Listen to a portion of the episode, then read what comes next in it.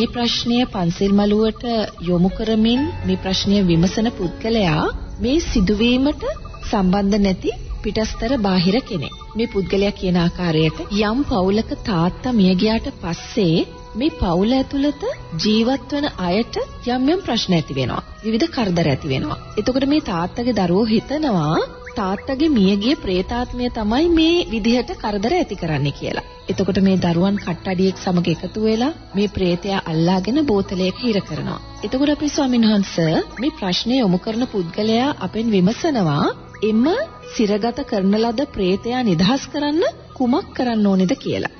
නෝන අපි පළවෙනි සිල්පදය ගැන කතා කරනකොට පාණාතිපාතා වේරමණී සික්ඛාපදං කියන සිල්පදය ගැන කතා කරනකොට ඒකෙන් ආවරණය වෙනවා සත්ව ඝාතනයෙන් වැළකින්න ඕනේ සත්ව හිංසාවෙන් වැළකින්න ඕනේ. ඒතකොට සත්ව හිංසාව කියන කාරණේ නෝන මේ තිරිසන් සත්ව විතරක් නෙමෙයි. ඒතකොට අපි මේ පළවෙනි සිල්පදේ අපි බලවත්ම ආකාරයෙන් අපි අකුසලයක් බවට පත් කරගන්නේ බුදුරජාණන් වහන්සේට කරන්නා වූ හිංසනය. එහෙමයි සර්. බුදුරජාණන් වහන්සේ කෙනෙක් කවදාකවත් මරා දානවා කියන කාරණේ වෙන්නේ නැහැ. ඒක ධර්මතාවයක්. නමුත් බුදුරජාණන් වහන්සේගේ ලේසලවීම සිද්ධ වෙනවා. නමුත් ඒ වගේ බලවත්ම ඒ පළවෙනි සිල්පදයේ බිඳීමේ අකුසලයේ තමයි බුදුරජාණන් වහන්සේට කරන්නා වූ හිංසාව. එහෙමයි. දෙවනුව නෝනා මහා සංඝරත්නයට කරන්නා වූ හිංසාව. එහෙමයි සම්. තේරෙනවද? ඊළඟට අනාගාමී, සකු르දාගාමී, සෝහන් ඵලයටපත් වුණා වූ පින්වතුන්ලාට කරන්නා වූ හිංසාව. එහෙමයි. ඊළඟට සද්ධානුසාරී, ධම්මානුසාරී පින්වතුන්ලාට කරන්නා වූ හිංසාව. එහෙමයි. ඊළඟට නෝනා සීලයක් සමාදන් වෙලා ජීවත් වෙන උපෝසත පංචශීලය ඊට අදාළව නෝනා භාවනා අපේ අකුසල් විපාකයන් වැඩි වෙනවා. දෙන්න ඒ මිනිස්සෙයින්ට. ඒ වගේම බුදුරජාණන් වහන්සේ දේශනා කරනවා සතර අපායේ දේශනා කරද්දී නෝනා සතර අපායේ මුලින්ම තියන්නේ പ്രേත ලෝකය. තේනවද? තිරිසන් ලෝකේ නෙමෙයි. තේනවද? මොකද තිරිසන් සතාට පින අනුමෝදන් වෙලා නිදහස් වෙන්න බැහැ. හරකෙකුට පූසෙකුට බල්ලෙකුට පින් අනුමෝදන් කළා කියලා එයාට පින් අනුමෝදන් වෙලා නිදහස් වෙන්න. නමුත් പ്രേතයාට පුළුවන් පරදත්ත රූපිලි ජීවි പ്രേතයාට පින් අනුමෝදන් වෙලා නිදහස් වෙන්න. ඒ නිසා සාරිපුත්ත මහරහතන් වහන්සේ සතර අපායේ පෙළ ගස්සනකොට උඩින්ම තියන්නේ പ്രേත ලෝකේ.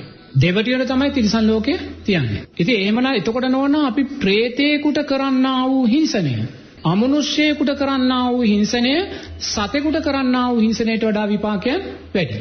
හරකෙක් මරණවාට වඩා ප්‍රේතයෙක් මරා දැමීමේ චේතනාව බලවත්. තිරිසන් සතෙකුට හිංසා කිරීමට වඩා ප්‍රේතයෙකුට හිංසා කරනවා කියන කාරණේ බලවත්. තේනද? දැන් කෙනෙක් යනවා. ඇත්ත වශයෙන්ම gedara ප්‍රේතෙක් නැහැ. බාහිර කාගේ හෝ බොරුවකට රැවටිලා ඔන්න ගිහිල්ලා ලක්ෂයක් කියනවා දේවාලීන කප් මහත්තයා නැත්නම් කට්ටරි මහත්තයා කියනවා මට ලක්ෂ එකමාරක් දෙන්න මං ওই ප්‍රේතයාව බෝතලයක දාලා හිර කරලා මරලා දානවා කියලා. තේරෙනවද? එහෙමයි. දැන් එයා එකඟ වෙනවා. හරි. මේ ප්‍රේතයාව මරලා දාන මං ලක්. ඒ මොහොතේම නෝනා එයා ප්‍රේතේ ඝාතනය කිරීමට අදාළව අකුසලයෙන් භාගයක්ම කරගන්නවා. එහෙමයි. චේතනාව සකස් වෙනවා මරා දානවා කියන. ස්වාමීන් ප්‍රේතව මරන්න පුළුවන්ද ස්වාමීන් වහන්සේ? ප්‍රේතව මරනවා කියන කාරණේ අපි ඉස්සරහදී කතා කරමුකෝ. හොඳයි. චේතනාවනේ දැන් මෙතන සකස් වෙන්නේ.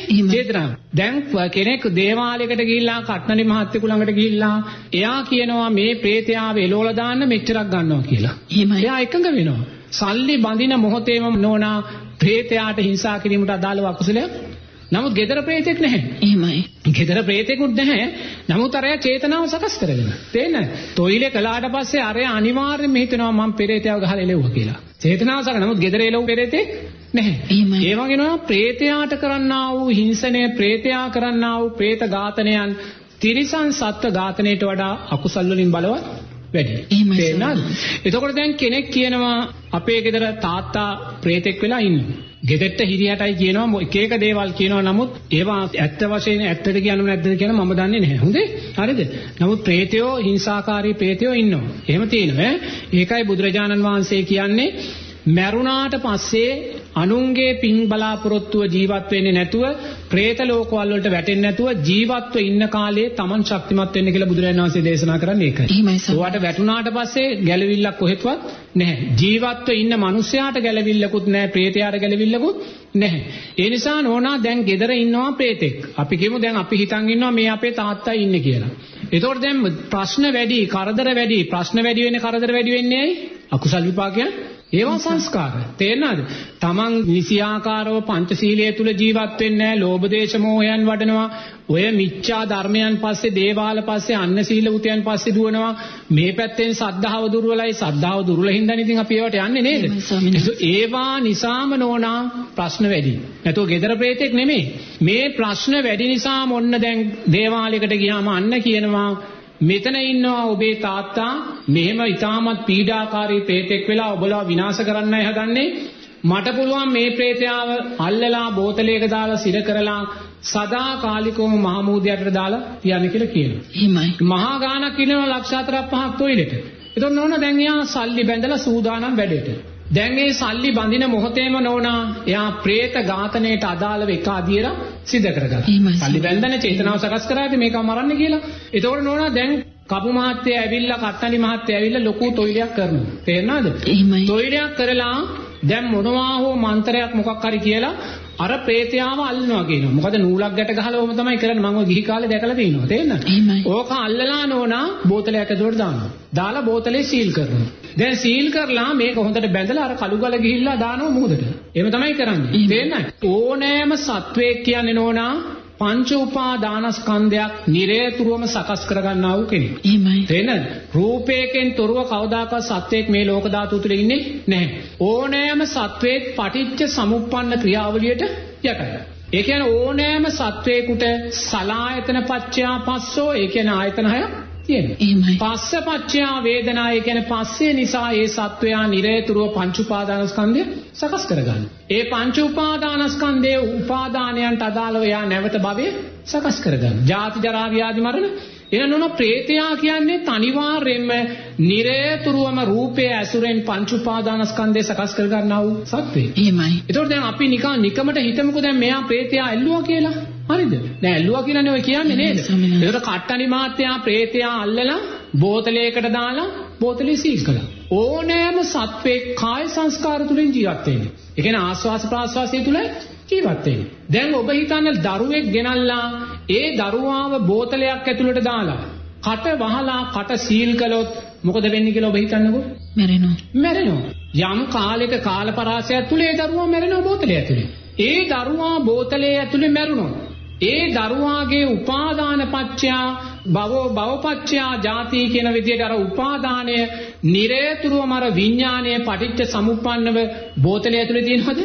නෑ ස්වාමීන් වහන්සේ. දැන් දරුවා බෝතලය ඇතුලේ සීල් කරලා මැරුණා. එහෙමයි. මැරුණාට පස්සේ දරුවාගේ අර චුතිසිත අර විඥානයේ අවසාන ඒ පටිච්ච සමුප්පන්න විඥානයේ බෝතලය ඇතුළේම තියෙනවද? නෑ ස්වාමීන් වහන්සේ. නෝනා රූප බෝතලය කියන්නේ රූපයක්. එහෙමයි. රූපය අපිට නොපෙනුනාට රූපය වේගයෙන් අනිත්‍යභාවයටපත් වෙනවා. ඒ අනිත්‍යභාවයටපත් වෙන රූපය තුලින් විඥානය බැහැරට ගමන් ගන්නවා. එතකොට දැන් ඔන්න ප්‍රේතයා ඇල්ලුවා. අපි කියමුකෝ ප්‍රේතයා ඇල්ලුවා කියලා. ප්‍රේතයා අල්ලලා දැන් බෝතලය ඇතුළට දැම්මා. එතකොට ප්‍රේතයා බෝතලය ඇතුළට දාලා සීල් කළාට පස්සේ ප්‍රේතයා කාය සංස්කාර තුල ජීවත් වෙනවා. එයාට ආස්වාද ප්‍රාස්වාදය තුල ජීවත් වෙනවා. එතකොට ප්‍රේතයා බෝතලය ඇතුලේ මැරෙනවා. ප්‍රේතයා යම් කාල සීමාවකදී බෝතලය ඇතුළේදී මේ ප්‍රේතයා මැරෙනවා. එතකොට ප්‍රේතයා මැරෙද්දී ප්‍රේතයා දන්නවා කවුද මාව ඇල්ලුවේ? කවුද මාව හිර කළේ? කවුද මට මේ විනාශේ කළේ කියලා ප්‍රේතයා මැරෙන වෙලාවේ අර අල්ලපු අය කෙරෙහි දැඩි ද්වේෂයකින් තමයි මැරෙන්නේ. දේශයකින් මැරිලා ප්‍රේතයා දැන් යක්ෂෙක් වෙලා ඉපදෙන්නේ. දැන් කවුද හිටියේ? ප්‍රේතය. ප්‍රේතෙක් හිටියේ. දැන් මොකෙද ආවේ? යක්ෂයෙක්. දැන් යක්ෂයෙක්. එතකොට දැන් යක්ෂයෙක් වුණාම ප්‍රේ බෝතලය ඇතුලේ ඉන්නවද ප්‍රේතයා? නෑ. අර විඥානය රූපයෙන් බැහැරට යනවා. රූපය අනිත්‍යභාවයට පත් වෙන වේගය තුල විඥානයත් වේගයක් අර බෝතලෙන් බැහැරට ගිහිල්ලා හිටියේ ප්‍රේතෙක් දේශය නිසාම අන්න ගිහිල්ලා යක්ෂයෙක් වෙලා ගෙදර ඉපදුණා. දැන් ප්‍රශ්නේ අඩු වෙයිද වැඩි වෙයිද? වැඩි වෙනවා. එහෙනම් ඉතින් දැන් මොකද්ද බුදුරයන් වහන්සේ මොකද්ද කියන්නේ ඕවා කරන්න කියලා දිනවද? දැන් මොකද්ද කලේ? තනි කර പ്രേත ඝාතනයක් සිද්ධ කළේ. සල්ලි දීලා പ്രേතයා ඝාතනය කිරීමේ චේතනාව ඔක්කොම සකස් කරගත්තා. ඒතකොට പ്രേතයා කියන්නේ තිරිසන් සතාට වඩා ශක්තිමත් කෙනෙක්. ධර්මානුකූල සාරිපුත්ත මහරහතන් වහන්සේගේ ධර්මයට අදාළව. එහෙනම් නෝනා අර වගේ දේවල් කරන්න ගිහිල්ලා නෝනා අවසානයේ නැති ප්‍රශ්න ගොඩකට නැතිවෙනවා. ඒතර බුදුරජාණන් වහන්සේ ඔහොම කරන්න කියන්නේ මේ අපිට කියන්නේ. අපි ස්වාමීන් වහන්ස අමනුෂ්‍ය දෝෂයක් තියෙනවා නම් යම් තැනක නිවසක කුමක්ද කළ යුත්තේ? බුදුහිමියන් මේ සම්බන්ධව දේශනා කරන්නේ කුමක්ද ස්වාමීන් වහන්ස? බුදුරජාණන් වහන්සේ දේශනා කරන්නේ අමනුෂ්‍ය දෝෂයන් තියෙනවා නම් නෝන ඒ අමනුෂ්‍යින්ට පින්පෙත් අනුමෝදන් කරන්න. තේරෙනවද? ඊට අදාළව කර්ණීය මෙච්ච සූත්‍රය රතන සූත්‍රය වගේ සූත්‍ර ධර්මයන් නිරතුරුව දේශනා කරන්නේ. එහෙමයි. තේරෙනවද? ඒවා කරලා ඒ ප්‍රේතයා නෝනා නිවැරදි තැනට මෛත්‍රී චිත්තයක් ඇති කරන්න ගන්න කියලා බුදුරජාණන් වහන්සේ දේශනා කරන්නේ. එහෙමයි. ඉතින් දැන් අපි ඒක නෙමේ කරන්නේ ඒක කරන්න සද්ධාව අපේ දුර්වලයි. බුදුරජාණන් වහන්සේ කියපු දේ පැත්තකින් තියලා නෝනා තෙරුවන් සරණින් බැහැර වෙච්ච කට්ටනි මහත්තයා කියන දේ පස්සේ අපි. එහෙමයි. ගිහිල්ලා අවසානයේ ප්‍රේතයා යක්ෂයෙක් බවටයි පත් උනේ යක්ෂයා නෝනා තිබ්බට වඩා ප්‍රශ්න වැඩි කරලා අපිට පීඩා කරනවා. එවැනි දේවල් සිද්ධ වෙන්න පුළුවන්. එහෙමයි. ඒ නිසා අන්න සීලවුත පස්සෙන් අපි ගියොත් යන මොහොතක් පාසා සද්ධාව දුර්වල වෙනවා. සද්ධාව දුර්වල වෙද්දී නෝනා විපාක නොදුන්නා වූ බලවත් අකුසලුත් තව මතුවෙලා එනවා. තේරෙනවද? ඒ නිසා නිරේතුරුව බුදුරජාණන් වහන්සේ දේශනා කරන්නේ අපිට ප්‍රශ්න තියෙනවා නම් අපිට ගැටලු තියෙනවා නම් gedara ප්‍රශ්න පීඩා තියෙනවා නම් ඒවා නොන අපේ අකුසල් සංස්කාර. වෙන දෙයක් නෙමෙයි. එහෙනම් අපේ සංස්කාර ශක්තියයි අපි වැඩි කරගන්න ඕනේ. ආරෂ්ඨාංගික මාර්ගය ශක්තිමත් කරගෙන අපේ සංස්කාර ශක්තිය වැඩි කරගනිද්දී නෝනා එතනදී බුදුරජාණන් වහන්සේ දේශනා කරනවා මේ ලෝක ධාතුවේ තියෙන ශ්‍රේෂ්ඨම ආරක්ෂාව තෙරුවන් කෙරෙහි සද්ධාවත් සීලයක් මෛත්‍රියක් කියලා. එහෙමයි. මේ විශ්වාසය අපිට තියෙන්න ඕනේ. අපි දැන් ඔය මහා කැලවල් වල ගිහිල්ලා කුටි වල ගිය දවසේ ඉඳන් තනියම ඉන්න නෝනා ඇයි? අපේ සීලේ ශක්තිය. අපේ සමාධියේ ශක්තියෙන් අපේ මෛත්‍රී ශක්තියෙන්. එතකොට මේ විශ්වාසය බුදුරජාණන් වහන්සේ අපිට දීලා තියෙනවා. අපි සද්ධාව තුල ශක්තිමත් වෙනකොට සීලය තුල ශක්තිමත් වෙනකොට දානය තුල ශක්තිමත් වෙනකොට මොකදක වෙන්නේ පිනට කැමැති සම්‍යක් දෘෂ්ටික බලවේග අපේ ළඟට එනවා පිනට කැමැති සම්‍යක් දෘෂ්ටික බලවේග අපේ ළඟට එනකොට පිනට අකමැති බලවේග වලට අපි ළඟ ඉන්න බැහැ මේ මනුස්ස ලෝකයේ ආශ්‍රිතව සද්දන්ත යක්ෂයෝ ඉන්නවා දහස් ගණන් පිරිවර තියෙන ධර්මයට කැමති.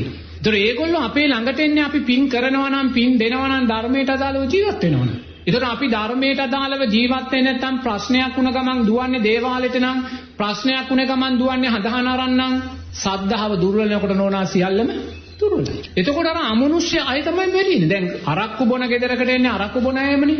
මත් වතුර බොන ගෙදරට ඒවන්නේ ඒගොල්ලොමයි. කාමයේ වර්ධවා හැසෙන් තැන්දෙන්නේ ඒගොල්ලොමයි.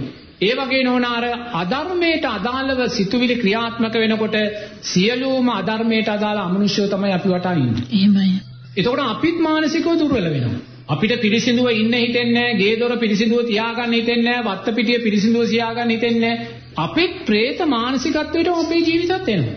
ඉතින් ඔහොම වුණාම නෝන අවසානේ මොකද්ද කරන්නේ? අර වගේ බලවත් പ്രേත හිංසනයන්ට ගිහිල්ලා තව තව තව තව බලවත් අකුසල් කරගන්න. ඒ නිසා බුදුරජාණන් වහන්සේ දේශනා කරන්නේ අපිට තියෙන ලොකුම ආරක්ෂාව සද්ධාවත්, සීලයක්, දානයක්, මෛත්‍රියක් කියන කාරණාමයි නෝන. ඒ නිසා මොන ප්‍රශ්නාවක් බුදුරජාණන් වහන්සේ කෙරේ විශ්වාසයෙන් අපි ඔය කියන කාරණා හතර තුල ස්ථානගත වුණා නම් නෝනා ඒ ශක්තියෙන්ම ඔය තියෙන ප්‍රශ්න නැති වෙනවා. නමුත් අතීත අකුසල් සංස්කාර බලවත් නම් ඒවා නැති වෙන්නේ නැහැ. තේන ඒක තේරුම් ගන්න ඕනේ. ඉතින් ඒක තේරුම් අරගෙන සම්මාදිට්ඨිය අර්ථයන්ට අදාළව නෝනා අපි පුළුවන් තරම් කුසල් ශක්තිය ශක්තිමත් කරගෙන අනතුරෙන් මිදීමේ දිශාවට යන්න අපි දක්ෂ වෙන්න ඕනේ. එහෙමයි ස්වාමීනි. එහෙම නැතුව කවදාකවත් ප්‍රේතෙක් බෝතලයක දාලා සීල් කරලා මුහුද මැද්දට දාලා මරලා බෝතලය ඇතුලේ තියනවා කියන කාරණය ධර්මානුකූලව කොතනකවත් සත්‍යයක් බවට පත් වෙන්නේ නැහැ. ඒ ප්‍රේතයා බෝතලයේ ඇතුලේ මැරුණා නම් පටිච්ච සමුප්පන්න විඥාණය බැහැරට ගිහිල්ලා ඊට අදාළ උපාදානයන්ට අදාළව භවය සකස් කරගන්න. දේශයෙන් මැරුණා නම් පෙරේතයා බලවත් යක්ෂයෙක් වෙලා තමයි ඊළඟට උප්පත්තිය ලබන්නේ. තේරෙනවද? ඒ නිසා දැන් වැරදුනා නම් ප්‍රශ්නයක් නැහැ. දැන් වැරදිලායි තියෙන්නේ. වැරදුන තැන ඉඳන් නිවැරදි කරන්න ආයිමත් යක්ෂය අල්ලන්න කියලා තේරුම නැහැ. එහෙමයි. ඒ මොනොත් ඊටත් වඩා බලවත් විපාකයටයි එන්නේ. එහෙනම් මේ මොහොතේ ඉඳන් දකින්න අපේ ජීවිතේට යම් කරදරයක් බාධාවක් තියෙනවා නම් ඒ අපේ අතීත අකුසල් සංස්කාර. එහෙමයි. එච්චරයි. දැන් අපේ ජීවිතවලට කොයිසා අකුසල් සංස්කාර විපාකද ආවද අපේ ගී කාලේ. බලවත් අකුසල් විපාකෙට ආවා. නමුත් නෝනා ඒවා අපි ධර්මානුකූලව ගලප ගත්තා. අකුසලයට දෙන්න තියෙන සැබෑම පිළිතුර අපි දීලා අපි මෙතෙන්ට ආවා. ඒකට යට උනේ. ඉතින් ඒවාට යට වුණා නම් මටත් ඔයිල් 10ක් 15ක් කරන්න සිද්ධ වෙනවා. නමුත් අපි ඒවා කරන්න ගියේ නැහැ. ඒ නිසා ඒවා නොකරන්න ගිය නිසාම නෝනා අවසානයේ අකුසලයේ අකුසලයේ හැටියට කුසලයේ කුසලයේ හැටියට දැකලා ඒවා ධර්මානුකූලව ගලපගත්ත නිසා අපි අද මෙතෙන්ට ආවා. තේරෙනවද?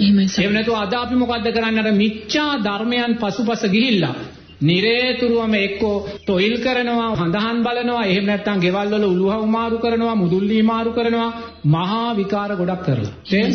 දැන් නිකන් හරි මගේ ජීවිතේදී මට ප්‍රශ්නයක් ආපුවම මට කවුරු හරි කිව්වනම් මේ උළුහව මාරු කරන්න නැත්නම් මේ මුදුල්ලිය මාරු කරන්නද කියලා නෝනා.